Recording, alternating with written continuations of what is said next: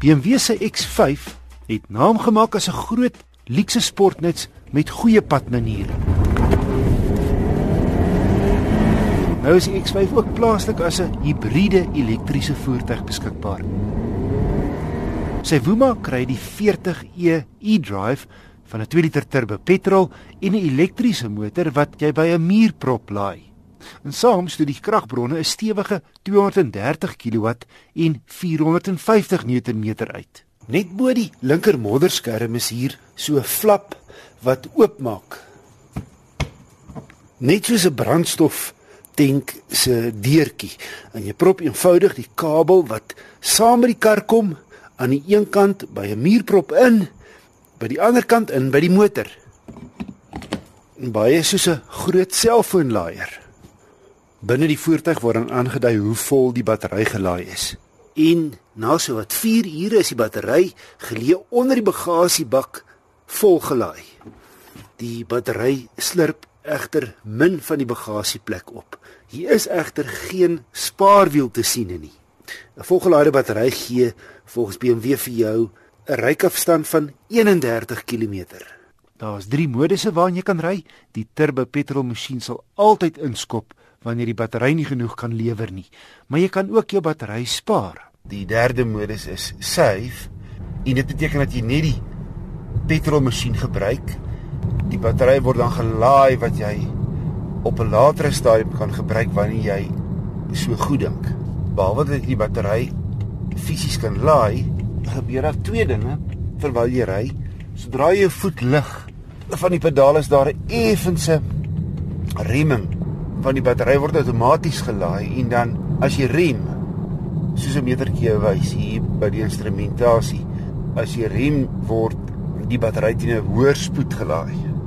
Goed, ek het die BMW se battery vol gelaai in afwagting op my uh, brandstofloopie. 'n uh, roete van so byna 50 km waarvan die eerste gedeelte stadsry is en die ander helfte op die snelweg.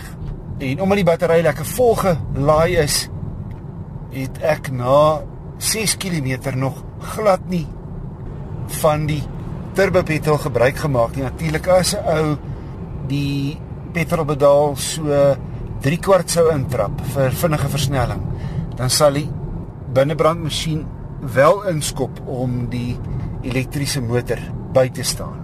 Na 9 km staan my verbruik op 0,7 liter per 100 km. Slegs omdat die battery nog sterk is en ek feitelik glad nie van die petrolmasjien gebruik gemaak het nie. Maar ek het nou die oprit gevat op die snelweg en ek gaan nou kyk hoe hierdie ou na 120 versnel.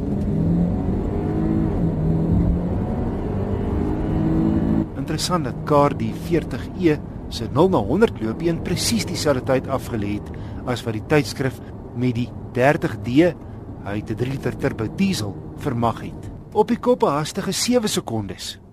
Maar um, die elektriese motor se stoom het egter gou opgeraak op die snelweg. Terug by die huis lees die ritrekenaar 7,4 liter per 100 km.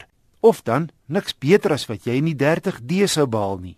En met dit dat die batterymotor se gog gou uitraak, sal jou verbruik nog hoër wees op die lang pad. 'n Laer verbruik as 'n diesel is slegs moontlik oor afstande onder 40 km op die voorwaarde dat jy jou battery gereeld laai. 'n Wes-Europeër sal tipies sy hybride voertuig oornag laai en dan deur die dag weer by die werk of by 'n inkopiesentrum. Ons het egter nie die tipe laaigeriewe in Suid-Afrika beskikbaar nie. Verder is hybride tegnologie duur. Kyk, die BMW 40e is 'n indrukwekkende wa, maar jy kry min klein geld vir 1,19 miljoen rand. In ons land maak die 30D meer sin. Ook en veral omdat sy prys 'n hele ent laer is.